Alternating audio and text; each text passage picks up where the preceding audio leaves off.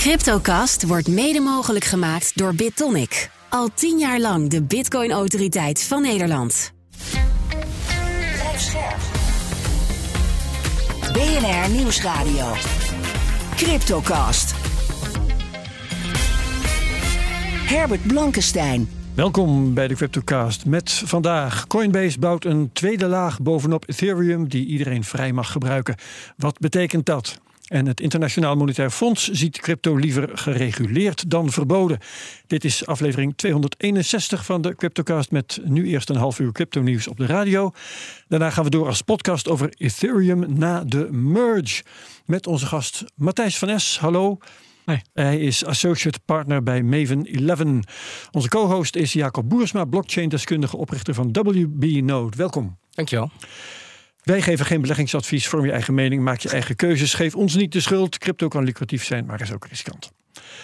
Coinbase kondigde afgelopen week de lancering aan van Base, een tweede laag bovenop Ethereum die de exchange Coinbase dus zelf gaat ontwikkelen. Base moet een platform worden voor decentrale apps. Um, Jacob, kun je uitleggen hoe dat ongeveer moet gaan werken? nou, uh, dat, is, uh, dat, dat kost even wat tijd om het helemaal uit te gaan leggen. Um, maar het idee is om een, um, eigenlijk een tweede laag te maken die uh, uh, wel secure is, maar uh, in ieder geval het veel makkelijker maakt voor developers om, om Ethereum dApps te gaan, te gaan lanceren. dApps, decentrale Decentralized apps, ja. Ja, um, kun je het een beetje vergelijken met Lightning als tweede laag bovenop Bitcoin? Lightning, de, hè, dat Bitcoin sneller maakt en goedkoper als het om transacties gaat? ja en nee. um, in die zin dat uh, Base ook werkt met uh, de, de, eigenlijk soort uh, ja, roll-ups heet het dan. Nou, daar gaan we, gaan we straks nog veel meer over, over mm -hmm.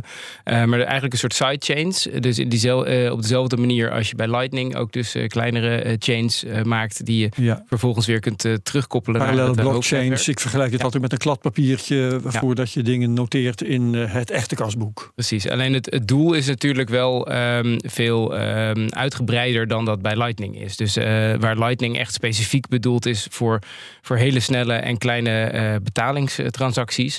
Um, kun je bij, uh, is het idee van dit Base-protocol dat je er uh, ja, eigenlijk alle functionaliteit die je ook op, uh, op Ethereum hebt, met, met dus hele ingewikkelde smart contracts, eigenlijk ja, logica. Dat je, die ook, dat je die ook dus veel makkelijker op deze laag kunt. ja, makkelijker. Um, um, dat is een voordeel, maar um, ja, waarom heb je daar dit soort middelen voor nodig? Nou, uiteindelijk is het doel natuurlijk schaalbaarheid. Ja. Um, omdat uh, net als uh, bij uh, Bitcoin is de, ja, de, de, de ruimte op de Ethereum blockchain is, is beperkt.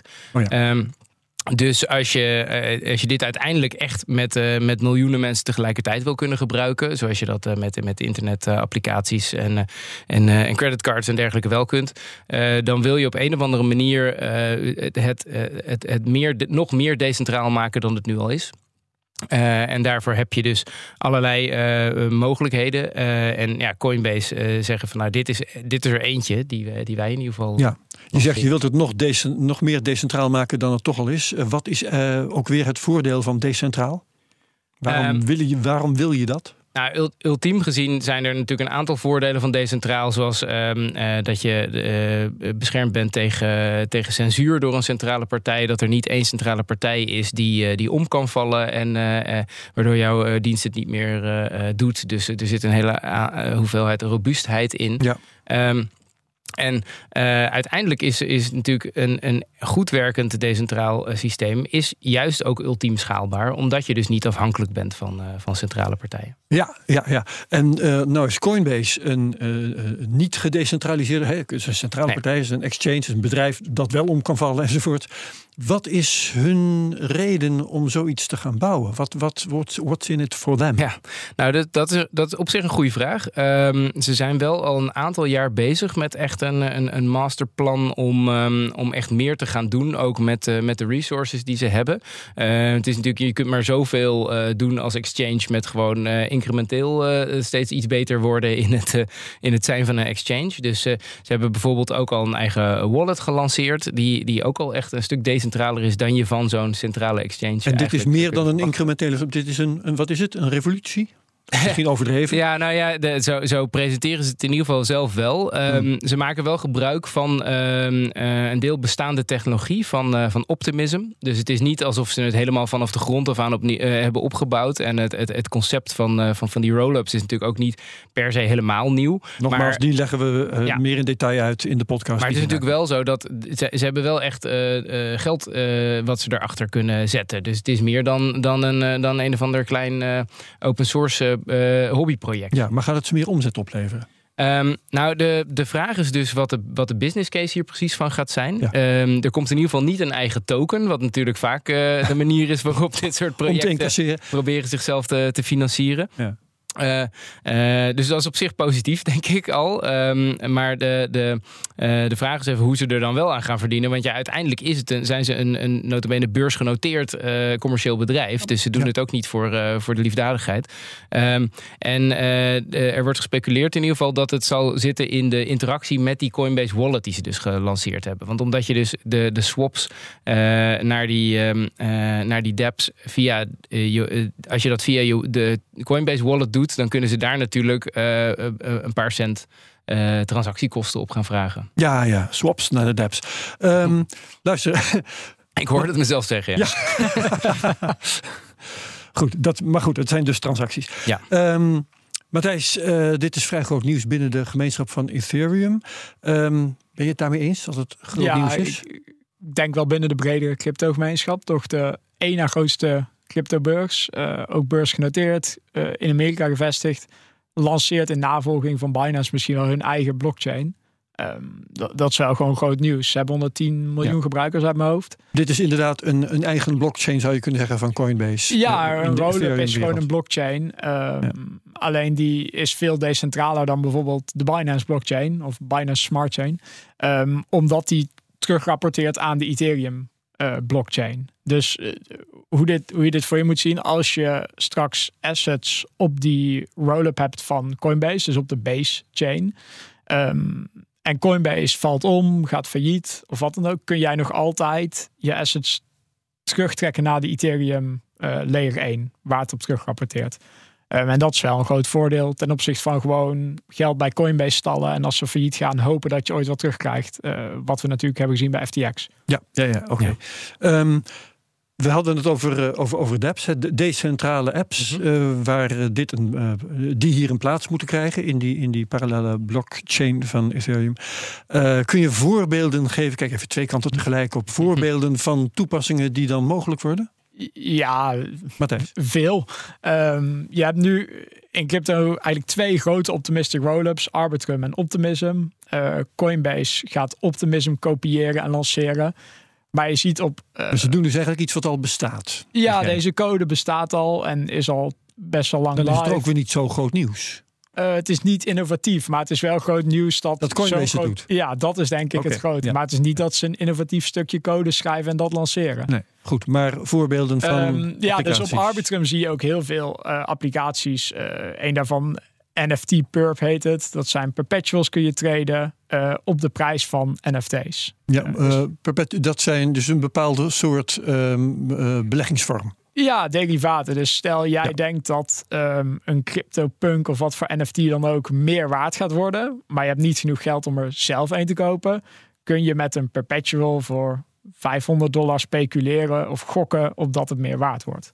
Um, daarnaast heb je ook voorbeelden als Uniswap, waar je gewoon uh, assets kunt ruilen zonder dat daar een tussenpartij tussen zit. Je kunt er een decentrale ja. exchange op bouwen. Ja, ja, en dat maakt ja, dit wel interessant. Dat natuurlijk Coinbase is eigenlijk echt een aandelenbeursachtige uh, opties, uh, mogelijkheden heb je er eigenlijk uh, voor. Ja, en dat zie je wel leuk. Want dus op dat, die base chain kan een applicatie gelanceerd worden die eigenlijk direct concurreert met Coinbase. Oh. Ja. ja. Want een decentrale exchange concurreert natuurlijk met Coinbase. Dus zo stichten ze indirect hun eigen concurrent. Ja, als je dat, dat is wel ja, heel spannend. Het kan dus zo zijn dat straks op de base chain meer volume zit dan op de centrale exchange Coinbase. En dan is het wel de vraag, ja. okay, wat gaan ze nu doen? Uh, maar dat is natuurlijk een beetje toekomstmuziek. Als de geest uit de fles is. Ja. Uh, Oké, okay, um, dat is interessant. Um, Jacob, is eigenlijk al bekend wat de Amerikaanse toezichthouder hiervan denkt? Want het, mhm. is, uh, het kan ook een wespennest zijn. Nou, dat, is, dat kan het zeker zijn. Uh, want uh, inderdaad, wat Matthijs al zegt, als je hier dus allerlei financiële diensten op zou gaan lanceren, ja, hoe, hoe gaat dat dan gereguleerd worden? En komt er de toezichthouder dan niet bij Coinbase uit en zegt van ja, jullie faciliteren hier ongereguleerde securities? Um, ik verwacht eigenlijk dat, uh, dat Coinbase dan zou zeggen van ja, wij bieden een infrastructuur aan. En wat mensen doen op die infrastructuur, ja, daar kunnen wij natuurlijk niet onbeperkt uh, toezicht op houden. Beetje vergelijkbaar met natuurlijk internet uh, service providers. Die, die zijn ook niet aansprakelijk voor alles wat, wat hun klanten precies allemaal aan illegale dingen doen. Maar ja, de toezichthouders zijn op dit moment wel behoorlijk uh, streng uh, aan, het, uh, aan het kijken. Dus ik, ja. ik, ik, denk, ik weet niet of ze daarmee wegkomen. Aan de andere kant, kijk, Coinbase is natuurlijk een, een Amerikaans beursgenoteerd bedrijf. Dus ik kan me ook wel voorstellen dat ze achter de schermen hierover hebben gesproken met toezichthouders. voordat ze het breed gaan lanceren. Ja, laten we dat voor ze hopen. we laten het er voor dit moment bij. Maar het is duidelijk dat hier nog hele spannende vraagstukken uit ja. kunnen voortkomen. Mooi, gaan we naar de prijzen kijken. We spreken met Bert Slag op afstand analist bij de digitale nieuwsbrief Bitcoin Alpha. Goedemorgen. Vorige week zat Bitcoin tegen het plafond van 25.000 eh, dollar aan te beuken. Even eroverheen en dan weer terug en zo. En eh, dan weer even eroverheen. Ja, um, is daar niet bij in de buurt kunnen blijven, hè? Nee, klopt. Gaat toch wat langer duren, denk ik. Waar ligt dat aan? Ja, we zien eigenlijk um, sinds begin februari een aantal verschuivingen op de Amerikaanse financiële markten. De rente stijgt, de dollar wordt sterker, aandelen dalen daardoor en ook edelmetalen trouwens, goud en zilver. Er waait duidelijk een andere wind dan in januari, toen alles omhoog ging. Toen geloofde de markt in het sprookjesachtige scenario dat de Fed, de Amerikaanse centrale bank, de inflatie omlaag kan brengen naar 2% zonder de economie in recessie te brengen. Ja. Dat geloof dat is gaan wankelen en ook dat, ook, ook voor Bitcoin is dat tegenwind geworden. Um, en, en ik moet zeggen, gegeven die omstandigheden, bleef de koers eigenlijk wel heel erg sterk de afgelopen weken. En dat zie je ook in de correlaties. Als je kijkt naar de 20-daagse correlatie met aandelen bijvoorbeeld en goud, die is negatief geworden. Terwijl zij dalen, steeg Bitcoin. Um, maar ja, die 25.000 dollar is toch iets te veel gevraagd nu. Ja. Ja, en inderdaad, ehm, de, de teruggang zoals ik die eh, nou zie sinds um, vorige week, uh, al met al 1500 dollar omhoog, of daarom 2000 misschien. Ja, die kun je beheerst noemen. Het is in het verleden wel vaker gebeurd dat als zo'n drempel niet werd genomen, dat de koers meteen ver terugviel. Ja, klopt. En dat is elke keer nu, nu valt mee. En je zag dan na een paar dagen opnieuw een aanval, zal ik maar zeggen, op die 25.000 dollar. Ja, dat is toch blijkbaar een heel betekenisvolle koersniveau nu. En um, er zitten een aantal langdurige gemiddelden en de top van 15 augustus. En ja, dat is, het is ook, wordt door velen gezien als een soort scheidslijn tussen uh, uh, bearmarktomstandigheden en boelmarktomstandigheden. Of in ieder geval herstel. Um, en um, ja, dat, dat zit er voorlopig nog niet in, blijkbaar. Ja, en jij noemde de Fed al. ja, de, de economische omstandigheden zijn dusdanig uh, dat heeft de Fed zelf ook uh, laten blijken dat ze waarschijnlijk toch niet de teugels kunnen laten vieren. Hè? Dat is hier de achtergrond. Ja, dat klopt. Um, um, de, de economie die, die, die blijkt toch erg sterk nog. Hè. Een aantal signalen wijst daarop. En dan met name de arbeidsmarkt. En dat heeft dan als bijeffect dat de inflatie minder hard daalt dan men hoopt. En dan zou de centrale bank ja, in de heilige kruistocht tegen de inflatie de rente verder moeten, moeten verhogen. Langer hoog moeten houden dan ze hadden gedacht. En dat vergroot dan weer de kans dat de economie eind van het jaar toch nog in een recessie komt. En dat is dan weer slecht voor aandelen. Er zit er een hele redenering van de markt achter wat er dan aan het gebeuren is. Um, en eh, kijk, wat wel interessant is, hè, de afgelopen twee jaar zagen we een hele hoge correlatie tussen aandelen en crypto. En dat is niet zo gek. Ze werden namelijk allebei gedreven door goedkoop geld. Um, maar, maar stel dat die, die aandelen straks gaan dalen vanwege een recessie. Hè, dus omdat de koers die dalen dan bedrijven minder, minder, minder winst maken, minder verdienen. Dat hoeft niet noodzakelijkerwijs te leiden tot dezelfde correlatie. Hè. Dus een van de vragen die er nu is voor, voor Bitcoin, hè, of, het, of dat nou slecht nieuws is dat de, de, de Amerikaanse centrale bank ingrijpt, het hangt dus van af wat het effect ervan gaat zijn op, op, op aandelen en op, en op Bitcoin. En dat moeten we afwachten. Ja, wat een, wat een merkwaardige omstandigheden uh, waar we nu in verkeren. Dat um, de, de centrale bank en allerlei andere uh, waarnemers zich afvragen: hoe krijgen we de economie zwakker? Om om niet, niet meer verder aan die rente te hoeven sleutelen. Terwijl dat over het algemeen toch niet de bedoeling is. Ja, klopt. Dus, dus de, de, de aanbodkant, daar zaten problemen. Hè. Met name uh, toen in China nog de lockdowns waren en uh, allerlei productieproblemen, logistiekproblemen waren, maar ook met energie. Um, en eh, normaal gesproken hoop je dat dan het aanbodprobleem zich snel oplost. En nu heeft men gezegd van ja, daar kunnen we toch niet op wachten. Hè. We moeten de vraagkant van de economie dan maar wat omlaag brengen. Hè. En dat heeft dan allerlei um, um, manieren waarop men dat dan wil. En de allerlaatste wat nog omlaag moet komen is de, de, zijn de diensten. Hè. Want heel veel goederen en energie, dat is al, alweer flink gedaald, de inflatie daarvan. Maar de diensten nog niet. En dat zit dat heeft te maken met de arbeidsmarkt, met de salarissen. En dat is dan het laatste waarvan de Fed zegt: ja, dat moet toch echt gebeuren. Die werkloosheid moet iets omhoog. De arbeidsmarkt moet, moet iets minder krap, iets minder heet worden. Ja, maar dat betekent dus wel dat dat het laatste obstakel. Hè, daarna um, uh, zou er licht aan, de, aan het eind van de tunnel moeten zijn. Ja, dat is wel hoe Jerome Powell, hè, dus de baas van de Amerikaanse Centrale Bank, daar zelf over redeneert. Die zegt van ja, dus we zien ook nog wel inflatie in de woningmarkt, maar dat komt vanzelf omlaag, omdat de, de, de huur in, altijd daar achteraan komt. Dus het laatste waar ik naar kijk is inderdaad die arbeidsmarkt. Ja, hebben we in de komende week nog uh, betekenisvolle gebeurtenissen die koersen kunnen gaan be, uh, beïnvloeden? Nou, deze week in ieder geval niet. Het is redelijk rustig. Um, en ik denk dat echt de volgende belangrijke momenten de, de Amerikaanse inflatiecijfers en de uh, rentebeslissing uh, gaan worden. Maar dat ligt nog een paar weken in de toekomst. Dankjewel Bert Slachter. Meer details te vinden in de digitale nieuwsbrief op bitcoinalpha met ph.nl. Gaan we verder met nieuws. Het Internationaal Monetair Fonds dat verkiest het reguleren van crypto boven een verbod. IMF-directeur Kristalina Georgieva roept wel op tot meer regels. Um, later alsnog pleiten voor een verbod sluit ze niet uit. Uh, wat sommige media dan meteen maar tot het grote nieuws bombarderen. Uh, Jacob, um, is het voor jou verrassend nieuws? Dat wil zeggen uh, dat het IMF een voorkeur heeft voor meer regulering boven een verbod? Um, het is niet echt verrassend um, dat het IMF niet, uh, geen fan is van, uh, van uh, cryptocurrencies. Dat is, dat is echt dat wel al ja. heel lang bekend. Um, en herhalen ook dat het geen betaal, wettig betaalmiddel precies, mag zijn. Precies, het is, ze herhalen heel veel punten die ze al wel vaker hebben gemaakt. Um, en het, het, het voelt nu een beetje als soort van ja, maar we willen het niet verbieden. Maar het, um, een, een, een regelrecht verbod is natuurlijk ook heel moeilijk te handhaven ten eerste. En het is dus eigenlijk een soort van je laatste optie. Het wordt ook wel uh, je, je nuclear option genoemd. Als je zegt van nou, we gaan het verbieden, dan eh, kun je ja. daarna ook niks meer. Dan kun je er ook niks meer over zeggen. Want het is, je hebt het illegaal uh, verklaard. Ja. Uh, terwijl als je eigenlijk wil je die optie altijd achter de hand houden. Um, voor, voor, het geval mensen zich niet aan de, ja. aan de regels houden. Overigens is het voor het IMF niet echt een optie. Dat zeggen, het IMF maakt geen wetten, is geen wetgevend lichaam. Dus is dit te zien als een advies aan lidstaten? Of hebben ze eigenlijk toch meer macht dan dat? Ja, ze, ze hebben heel veel uh, soft power, zoals dat heet. Dus uh, mm. uh, dit is ook niet voor niks. Er wordt dit ehm, advies uitgebracht ten tijde van de, van de G20-top. en daar, daar, daar zijn gewoon heel veel landen die wel echt ja, het, het IMF natuurlijk daarin volgen in de adviezen. Um, en dat gebruiken als basis ook om, om te zeggen van nou ja, wij hebben deze wet nou eenmaal omdat het een advies is van, vanuit het IMF.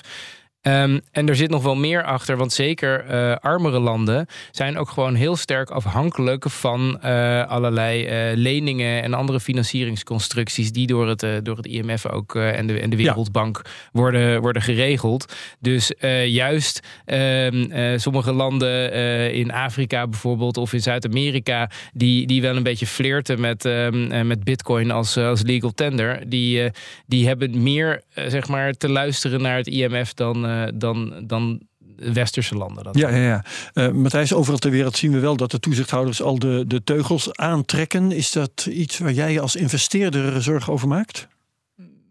Nee, ik denk dat het ook wel een logisch gevolg is van het afgelopen jaar in crypto. Mm -hmm. um, en vooral ook FTX, wat toch wel echt heel veel impact heeft gehad. Uh, en als ik een beetje om me heen kijk in de industrie, dus naar uh, vroege faseprojecten waar wij vooral mee bezig zijn, is er ook wel echt vraag naar niet direct regulering, maar duidelijkheid. Dus ik, ja, ja. ik ken geen enkele founder in deze industrie die zegt ook wil niet compliant zijn. Het is eerder de vraag hoe kan ik überhaupt compliant zijn? Ja, en dat er een gelijk speelveld is. Ja, dus ik denk dat de oproep van internationaal om meer te, ja, om gewoon duidelijker te reguleren en gewoon meer regulering die voor iedereen geldt en voor iedereen duidelijk is. Ik denk dat dat geen niet per se een negatieve ontwikkeling is. Nee, en zeker ook, eh, weet je, dat het een vanuit het internationale um, wordt, wordt aangevlogen is ook wel goed omdat je natuurlijk ziet dat, uh, dat juist uh, die crypto-bedrijven vaak heel erg internationaal georiënteerd zijn. En een, uh, een, een, een FTX bijvoorbeeld dan gebaseerd is, based is in de Bahama's, maar wel natuurlijk heel veel Amerikaanse klanten dupeert. Dus, dus er is ook wel echt een noodzaak om dat op, een, op een meer internationaal niveau aan te pakken. Ja, ja je, je kunt zelfs argumenteren dat als er duidelijke regulering was geweest, FTX nooit op de Bahama's had hoeven zitten. En dan had je misschien meer kunnen voorkomen, ja. bijvoorbeeld. Intussen houdt het IMF dus de deur van een uh, echt verbod op een kier. Wat zou er moeten gebeuren? Willen ze dat nadrukkelijk gaan adviseren, Jacob? Ja, dat, dat, dat, dat is een hele moeilijke vraag. Hmm. maar uh, kijk, als in één keer landen uh, massaal uh, de, de, cryptocurrency in hun wetgeving gaan opnemen als wettig betaalmiddel, misschien dat ze dan iets zeggen. Maar ja, aan de andere kant, als, dat, als het echt massaal gebeurt, ja, dan, dan hebben zij natuurlijk ook maar te volgen wat. wat, wat ja, dan is het de geest uit de fles. ja, precies. Want zij hebben natuurlijk ook gewoon leden die, die landen zijn. Ja, um, Matthijs, aansluitend uh, op deze radio-uitzending nemen we een podcast op over Ethereum. Daarvoor ben jij hier. Um, er is een grote stap uh, gezet, de merge. Dat is intussen net een half jaar geleden. Hoe staat Ethereum ervoor op dit moment? Uh, ik denk erg goed. de merge is goed gegaan. Ze zijn nu. Dus Ethereum is gewisseld van proof of work, wat heel veel energie gebruikte, naar proof of stake, wat veel minder energie gebruikt. Echt ja. 99,9% minder. Um, wat je daardoor ziet is dat er ook vanuit nieuwe groepen mensen die eerder door milieuoverwegingen als ze zeiden van ik wil hoe dan ook niks hiermee te maken hebben. Um, die kunnen in één keer wel interesse hebben om Ethereum nu te gebruiken. Uh, dat zit vooral de misschien wat meer creatieve slash gaming hoek. Dus NFT's, eh, gaming op Ethereum. Um, en nu zijn ze bezig met de volgende upgrade, waar je die proof of stake dingen, dus je legt uh, Ether in om te kunnen deelnemen aan de validatie van het netwerk, mm -hmm. um, om die weer te kunnen uh, withdrawen, dus beschikbaar te maken voor jezelf. Um, en dat gebeurt ergens in maart, april. Uh, die zijn nu live op verschillende testnets. Dus er is zeker nog technische ontwikkeling gaande. Oké, en intussen is de, de koers van Ethereum eigenlijk eh, best wel, staat er best wel goed voor. Uh, in vergelijking met Bitcoin uh, handhaaft hij zich een stuk beter op een redelijk hoog niveau. hier gaan we het over hebben straks in de podcast na deze CryptoCast op de radio. Bedankt voor dit moment mijn gast Matthijs van S van Maven 11 en mijn co-host Jacob Boersma van WB Note. Als je meegaat, heel graag tot straks in de podcast. Zo niet niet ook goed. En dan heel graag um, tot ziens bij de Cryptocast op de radio bij BNR. Dag. Cryptocast wordt mede mogelijk gemaakt door BitTonic. Al tien jaar lang de Bitcoin-autoriteit van Nederland.